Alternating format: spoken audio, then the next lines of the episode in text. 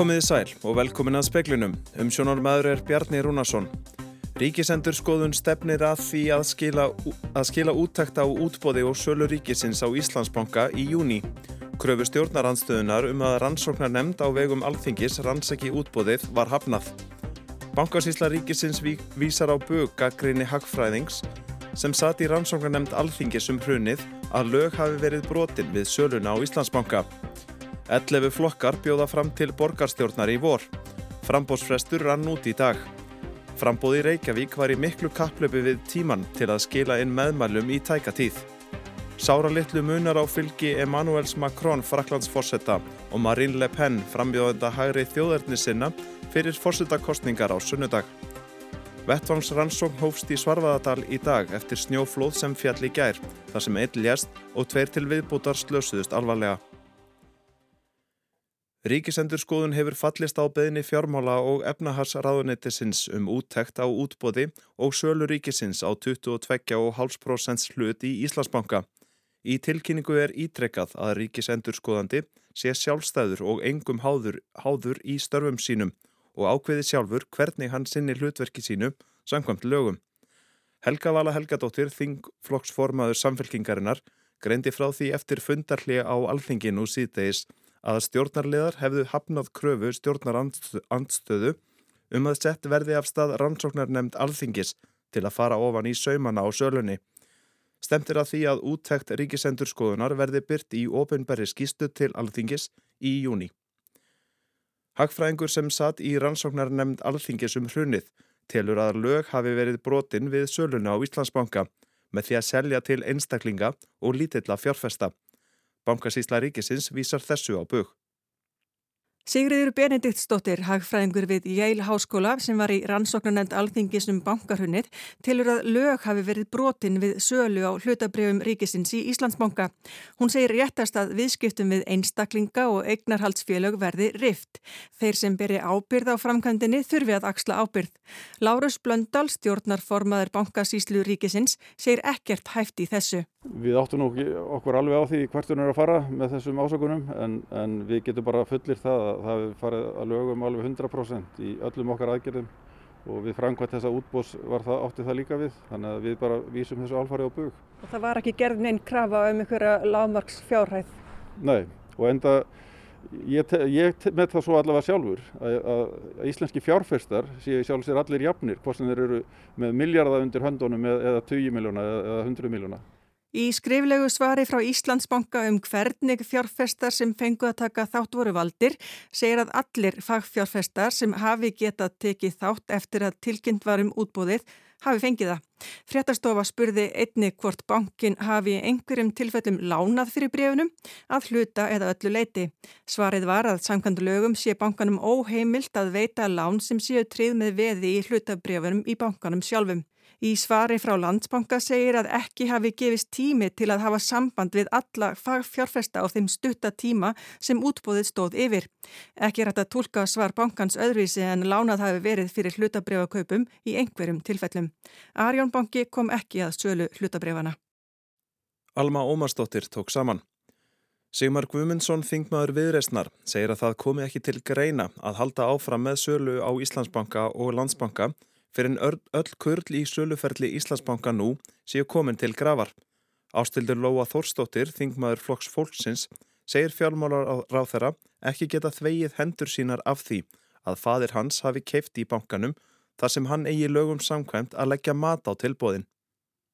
En það sem er í gangi hér er svo alvarlegt vegna þess að við erum að tala um sölu á svo miklum ríkisegum Við erum að tala um það að það stendur fyrir dyrum frekari áform um að selja meira og ég ætla að segja fyrir mitt leiti, mér finnst ekki koma til greina að halda áfram með sölu á Íslandsbanka eða Landsbanka á meðan að öll kurl er ekki komið til gravar í þessu máli. Hæsturstu fjármálráður getur ekki þvegið sig á því að fadir hans hafi keft hlutabref þegar löggerar ráð fyrir að neyja að leggja mat á þau tilbóð sem hafa borist og taka ákvörðun um hvort þau skuli samþygt sagði Ástildur Lóa Þórstóttir á Alþingi í dag og Sigmar Guðmundsson á undan henni. Allsmunu 11 flokkar bjóða fram til borgarstjórnarkostninga í vor. Frestur til að skila inn frambóðum rann út á hádegi. Þeir sem bjóða fram í Reykjavík að þessu sinni eru þeir áttaflokkar sem nú skipa borgarstjórn sem og framsognaflokkurinn Reykjavík, Bestaborgin og Ábyrg framtíð. Átta frambóðstilkynningum var skilaðinn í Kópavogi og jafn mörgum í Hafnarferði. Sjölistar stefna á frambóði í Reykjanesbæ og nýju á Akureyri. Minnstu munnaði að forsvarsmenn frambóðsins Reykjavík, Bestaborgin, fjalli á tíma þegar frambóðsfrestur rann út í hádeginu í dag. Ok, þannig að þú ert ekki með neitt af gögnunum um frambóðið, frambóðslistan eða með... Við vorum á vinningi síðan í Brúlakafi. Já. Ég svaf lítið sem ekkert í nótt Mhm. og þrjárnættu þar undan, þannig að ég, ég er ekki alveg með full fúli fem sko. Nei. Þannig að við veitum ekki hvora hvað tók gögnin sko. Það er hvort við erum ennþá í múlakafi. Það er mólið. Þið getur líka bara fengið frestinn til þess að ég, eins og græja segi, þetta. og ég segi við, við ætlum ekki að sitja hérna og býða eftir þessu.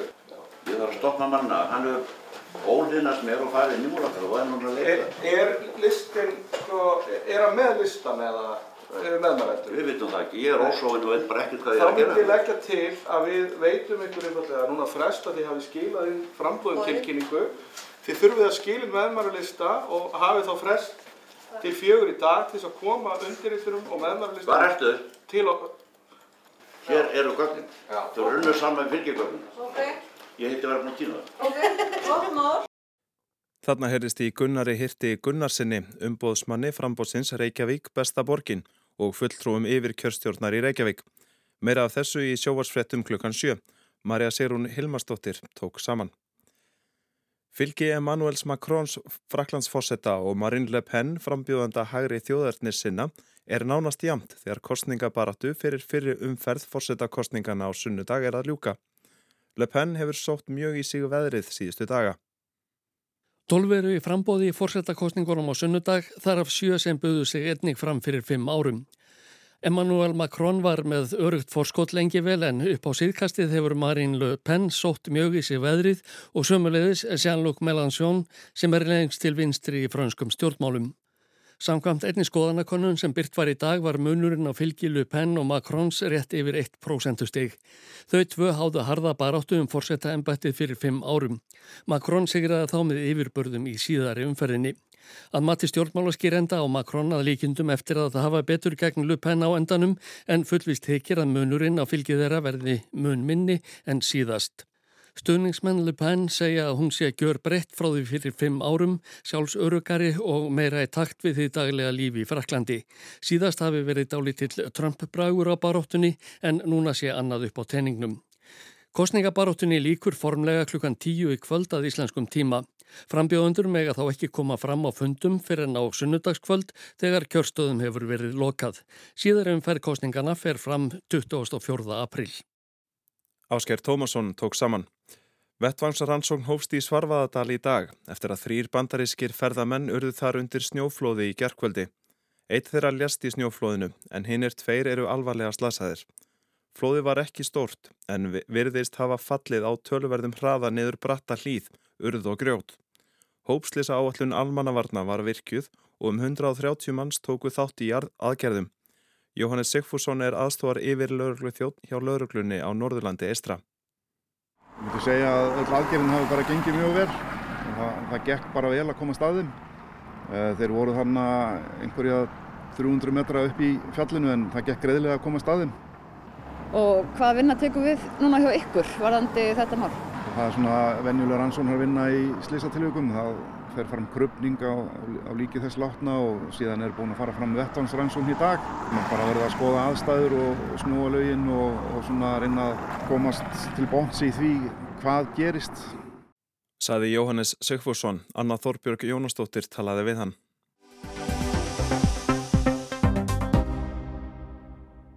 Salan á Íslandsbanka var ábyrrandi í umræðum í Þingsal í dag. Þingmenn úr stjórnar andstöðu fóru fram á að hlýja erði gert á þingfundi eftir að grein byrtist í kjarnanum þar sem haft er eftir Sigriði Benediktsdóttur, hagfræðingi við Yale Háskóla, að söluferlið hafi verið ólöglegt. Sigriður er fyrirverandi framkvæmdastjóri fjármála stöðuleikarsvið Sælabanka Íslands og sati rannsóknar nefnd alþingis um bankarhunnið. Hún segir í viðtali við kjarnan að þegar yfir 150 kaupendur séu valdir til að kaupa magn brefa sem sé svo lítið að það hafi ekki hreift við markasverði Íslandsbanka ef þeir hefðu keifta á eftirmarkaði, brjóti það í báa við lög um sölum meðferð eignarhluta ríkisins í fjármálafyrirtækjum. Ríkisendurskoðun hefur fallist á beðinni fjármála á efnahagsraðanitisins um úttekt á útbóðinu og sölunni. Við skulum heyra í nokkrum þingmönnum, fyrst Helgu Völu Helgadóttur samfélkingu. Hún segir á grundvelli uh, ákvæða lagana verði einhver að axla ábyrg fyrir að hafa heimila þetta og auk þess þurfi að rifta, þessum viðskiptum við einstaklinga og félög. Enda séu viðskiptin ekki í samræmi við lög og kaupendum og miðlendum hefði átt að vera það ljóst sem og frú forseti, sem og því stjórnvaldi sem heimilaði þetta. Frú forseti, ég geri þá kröfu að við tökum núna hlje á þingfundi til þess að formenn flokka sem eiga sæti á alþingi getur nú sest niður og komist að samkúmulagi um að hér dugir ekkert annað en rannsóknarnemnd alþingis til að fara ofan í saumana á þessu. Þetta er spilling, frú forseti. Það lítur út fyrir að hér hafi lög verið brotin Við verðum að taka þetta alvarlega. Mér langar að vitna þess í þessi lög vegna þess að hæstvirtur ráðherra hefur líka komið fram í fjölmjölum og sagt að hann játi á sig mistök að hafa ekki talað við föðu sinn fyrirfram um að kaupa ekki hluti í bankanum. Fyrirgefiði lögin segja mjög skýrt með lefi fórseta þegar tilbóði eignar hlut liggja fyrir skal bankansýsla ríkisins skila ráðherra raukstutu mataði Ráðherra tekur ákvörðun um hvort tilboð skuli samþykkt eða þeim hafnað og undirritar samninga fyrir hönd ríkisins. Hann hefði sérst geta hafnað pappa sínum um að kaupa hluti bankarum sem hann var að selja. Mistökin voru ekki að byggja pappa ekki um að kaupa banka. Mistökin voru þegar að ráðherra beitti valdi sinu og samþykti það að pappi sinn kefti banka. Hér eru nokkur atriði. Það eru gefnar villandi upplýsingar til þingsins. Söluaðilar fengu sjálfur að kaupa. Það voru margir litlir aðilar sem fengu að kaupa þvert á loforð. Margir umdeldir aðilar sem grafund og trausti og fylgir orðspós á þetta. Menn sem sæta rannsókn er búið að kaupa þrátt fyrir að traust sé líkilstef. Það er ekki sett neitt ákvæðin lámaslut. Verðið eru lágt. Þáttakendur hafa sjálfur gaggrínt ferlið. Nánir ættingar ábyrgðaraðilar keiftu. Söluaðilar fengu frjálsar hendur um hverju var hringt í. Gríðarlega skekkja á milli fagfjárfesta og einkafjárfesta. Verulegar efasemdir um að allir sem keiftu uppfylli skilyrði um að teljast hæfir fjárfestar. Aðilar kaupa pínulitla hluti með afslætti sem var rökstuddu með því að það verið verið að selja stóra hluti. Þetta eru 13 atriði og þetta er ekki tæmandi listi yfir það sem er verið að gaggrina þetta útbóð sem að menn kalla vel hefnað útbóð og eru bara í skíjónu með. Núna eftir aðtóasendir Sigriðar Benediktsdóttur sem satt í eh, rannsóknarnemnd alþingis eftir bankarhunnið þá hljótu við, þá hljótu við að taka þetta upp uh, með meiri þunga heldur en við höfum gert og við hljótum að gera hlýja á þessum þingfundi til þess að ræða framhaldi. Við getum ekki farið í páskafrí með svona sleifarlag hangandi yfir okkur. Saði Sigmar Guðmundsson og líkt að við sögum frá í frettum hér áðan þá var kröfu um rannsóknar nefnd á vegum alþingis hafnað af stjórnarliðum.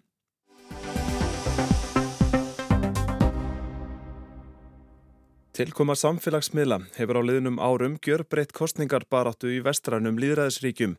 Segja má að strömmkvörf hafi orðið þegar uppkomst árið 2018 að breska fyrirtækið Cambridge Analytica hafi selt fórsetaframbóði Donald Trump persónu upplýsingar um 87 miljónir Facebook-notenda fyrir fórsetakostningar 2016.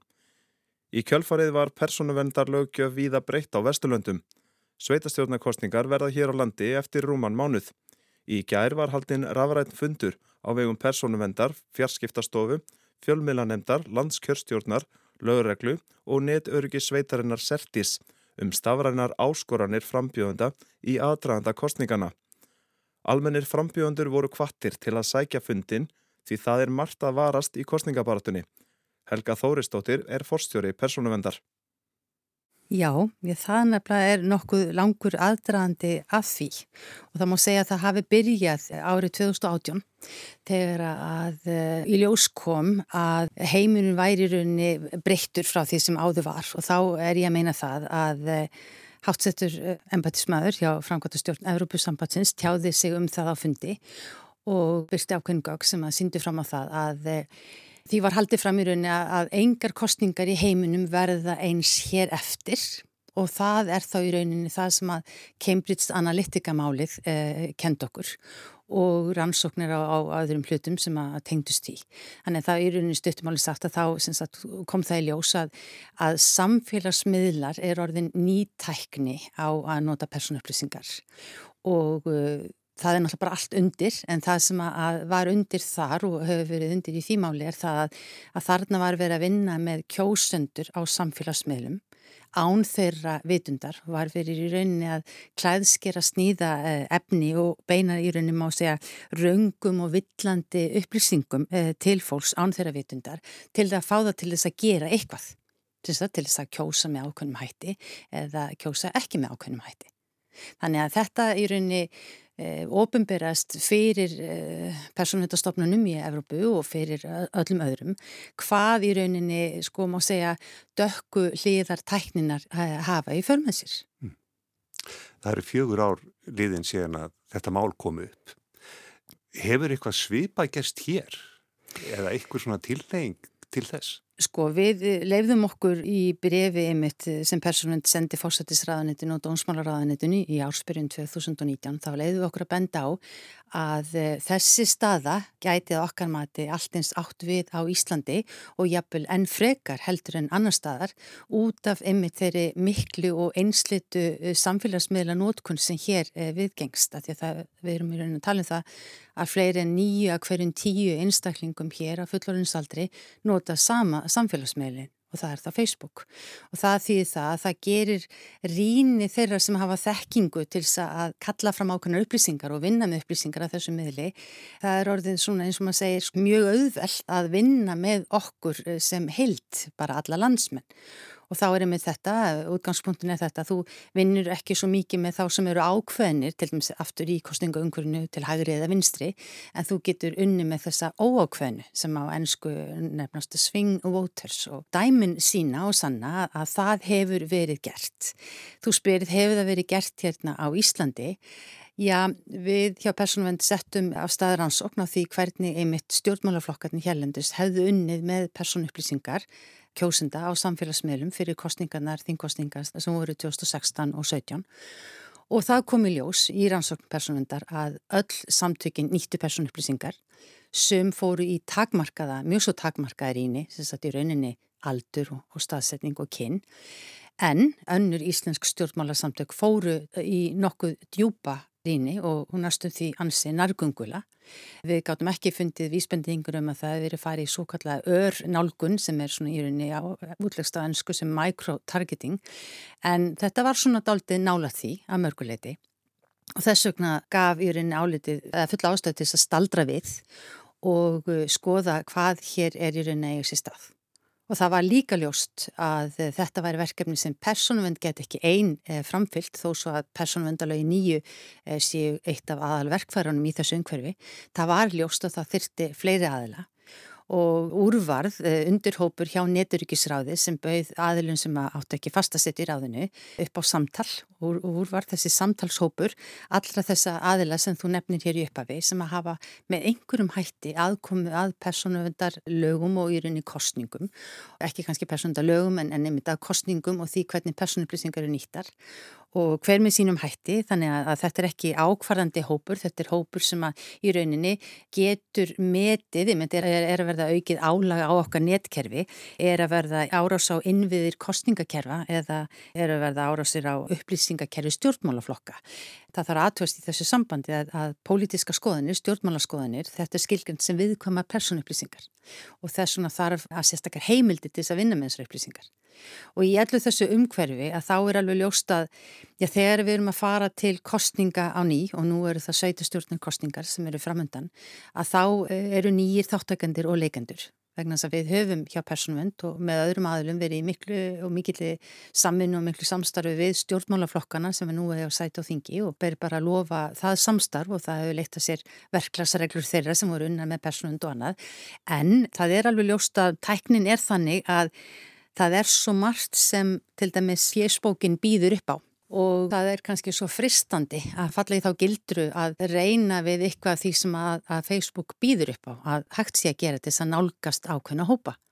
Og við teljum vera fulla ástöðu til að staldra hér við og bara vara nýja frambjóðandi við að það gilda personundalög og það gilda önnulög, það er nýbúið að breyta kostingalögunum og öll umgjörðin hér á að vera þannig að við vitum ef það er verið að reyna að tói í spottan okkur Við eigum að geta farið klikkað á og fengið að vita af hverju erum við að fá einhverja auglýsingu á samfélagsmiðli og hver stendur á bakvið og annað. Annað sem hefur verið bent á það er hægt að fara inn í svo kallat ad library hjá Facebook og sjá hver er að kosta auglýsingar og hver er að kaupa auglýsingar og að hverjum beinastar og soliðist. Þannig að við erum bara að benda það að það gilda lög í landinu, sund má og annað ekki og margt af því sem Facebook er nú þegar að, að gera er mögulega á mjög svo gráu svæði Við erum að býða eftir niðurstöðum frá Ísku persónvendinni sem er með lögsugu yfir starfsemi Facebook á eroska efnaðsvæðinu og uh, við viljum reyna að byrja brunnin, við viljum ekki þurfa að beita sektarheimildum og öðru og við viljum bara að frambjóndur viti að það eru þarna einhvers konar lög þarna úti sem þarf að tekka í bóksið og,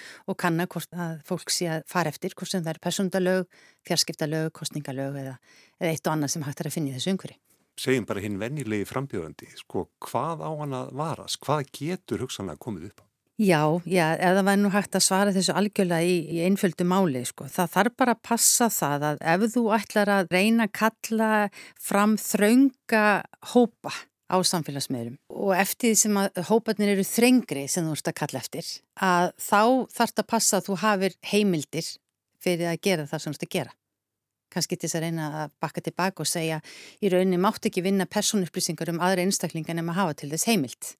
Þannig að jafnveg þótt þú sért bara einstaklingur og frambjóðandi að ef að þú ætlar að fara að kaupa þér viðtæka þjónustu bandarisks stórfyrirtækis í íslenskri kostningabaróttu að þá gætur við verið með því að brjóta personuendalög.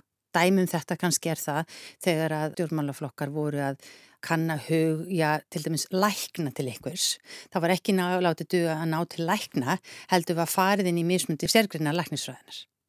Og ef þetta eru fámunur hópur þá ertu rauninu komin að stuðni í raunstaklingin. Og annað dæminn það þegar þú ert að byggja Facebook um að fylgjast með einhverjum sem líkar við formann þins flokks eða einhvern sem líkist þeim sem er að líka við formannin eða vinum þeirra þá ertu komin át að hála nýs. Þetta verður bara hreinlega frambjöndur að vita. Þetta er annar heimur en bara fyrir tíu árum? Já, við getum bara byrjað að segja að þetta er annar heimur en fyrir rúmum fjórum árum.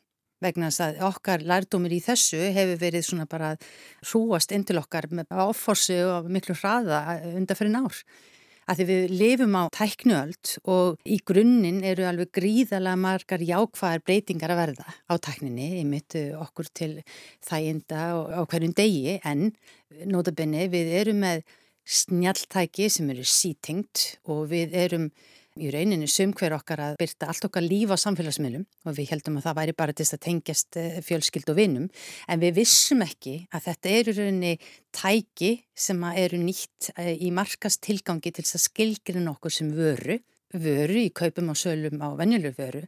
En þegar varan er orðin hvaða flokkur heldur í stjórnantöfum á heilu landi þá er orðin meira undir heldur en áður og þetta er bara nýju verilíkin og þessin er útgangspunkturinn tæknin á að vinna með okkur en hún á ekki að vera nótið gegn okkur og þá ekki að skilgjum okkur sem vöru í framtíða samfélagi, hvorki hér nýjanastar. Saði Helga Þóristóttir, Kristján Sigurjónsson talaði við hana.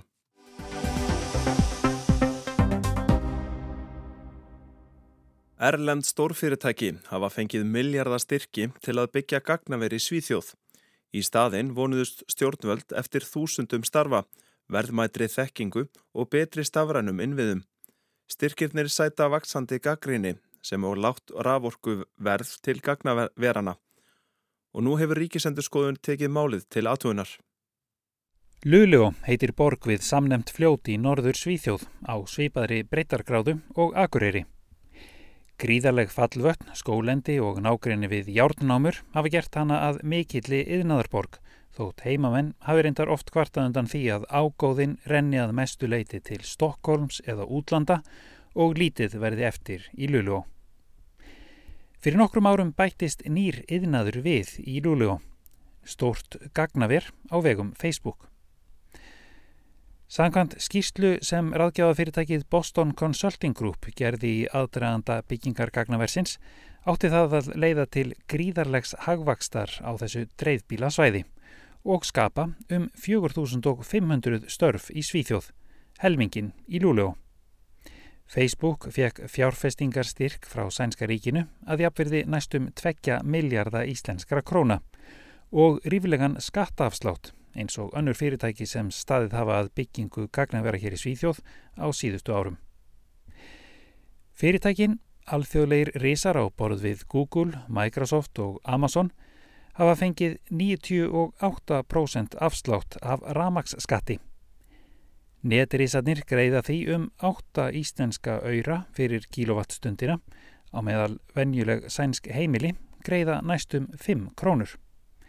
Það er um 60 sinnum meira en gagnaverin. Alls hafa gagnaverin fengið jafnverði 18 miljardar íslenskra króna í skattaafslátt á síðustu 5 árum að þér framkemur í umfjöllun dagins nýheter um raforkusölu til gagnavera í Svíþjóð. Orkan er græn eins og sagt er og fyrirtækin hafa tekið það fram í fréttatilkynningum að með nýju gagnaverunum sé verið að stöðla að aukinni sjálfbærni.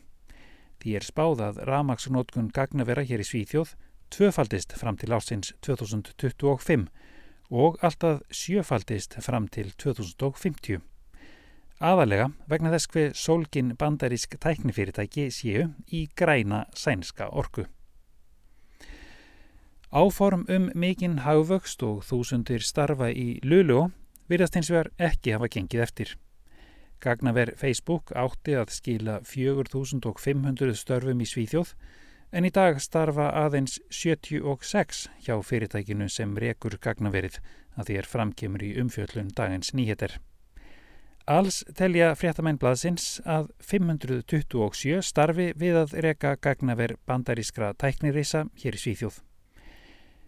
Ríkisendurskoðun hefur nú tekið ofinberan fjárstuðning við gagnaverin til skoðunar. Reynd verður að svara því hvort mörg störf hafi orðið til og hvort styrkir og skattaafslættir hafi leitt til frekari fjárfestinga og aukinar þekkingar. Stemtir að því að skýrsla ríkisendurskoðunar verði tilbúin í sumar.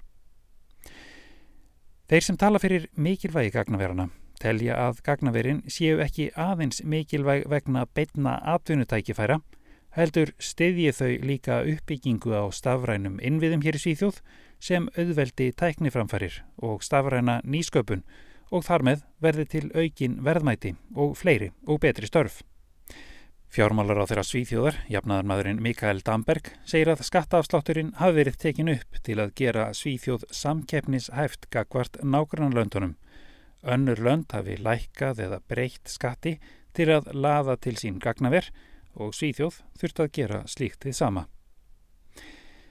Gaggríni á þetta fyrirkomulag snýr þó ekki aðeins að háum styrkjum og því að fá störf hafi orðið til í tengslum við gagnaverin. Flutningskerfi raforku ræður ekki endilega við byggingu margra stórra gagnavera út um allt land og undanfarin ár hefur líka orðið vart við raforkuskort. Í vetur náði raforkuverð þannig áður óþægtum hæðum. Fólk var hvað til að draga úr ramasknótkun og fjölmiðlar rættu við fólk sem kynntir með rafmagni heimi á sér og neytist til að draga niður í opnunum eða slökkva alveg á þeim um miðjan vetur. Það er ekki beint líklegt að raforkuverð lækki mikið á næstunni. Það er stríð í Úgrænu og óvisa um innflutning á gasi frá Rúslandi til Evrópu. Það standa yfir orkuskipti í samgöngum og yðnaði og svo er verið að byggja upp margvíslega nýja og orkufreka tækni. Fréttaskýrindur, leiðarahöfundar og sérfræðingar í raforkumálum hér í Svíþjóð hafa dreyði efa hvort skinsamlegt sé að laða hingað fyrirtæki sem byggja stór gagnaver sem gleipa orku en skila litlum tekjum og fáum störfum. Þetta er Kári Kilvason sem talar frá Gautaborg. Það var helst í speiklunum í kvöld að ríkisendurskoðun stefnir að þým að skila úttekt á útbóði og sölu ríkisins á hluti í Íslandsbanka í júni. Kröfu stjórnarandstöðunar um að rannsóknar nefnd á vegum alþingis rannsaki útbóðið var hafnað. Bankasísla ríkisins vísar á böga grini hagfræðings sem sati rannsóknar nefnd alþingis um hrunið að lög hafi verið brotin við söluna á Íslandsbanka. 11 flokkar bjóða fram til borgarstjórnar í vor. Frambósfrestur rann út í dag og sáralitlu munar á fylgi Emmanuels Macrons Fraklandsforsetta og Marine Le Pen frambjóðanda hægri þjóðarni sinna fyrir forsettakostningar á sunnudag. Fleira er ekki í speklinum þessa vikuna. Tæknumæður var Mark Eldred, frétta átsendingu stjórnaði Margret Júlia Ingimarsdóttir. Verið sæl og góða helgi.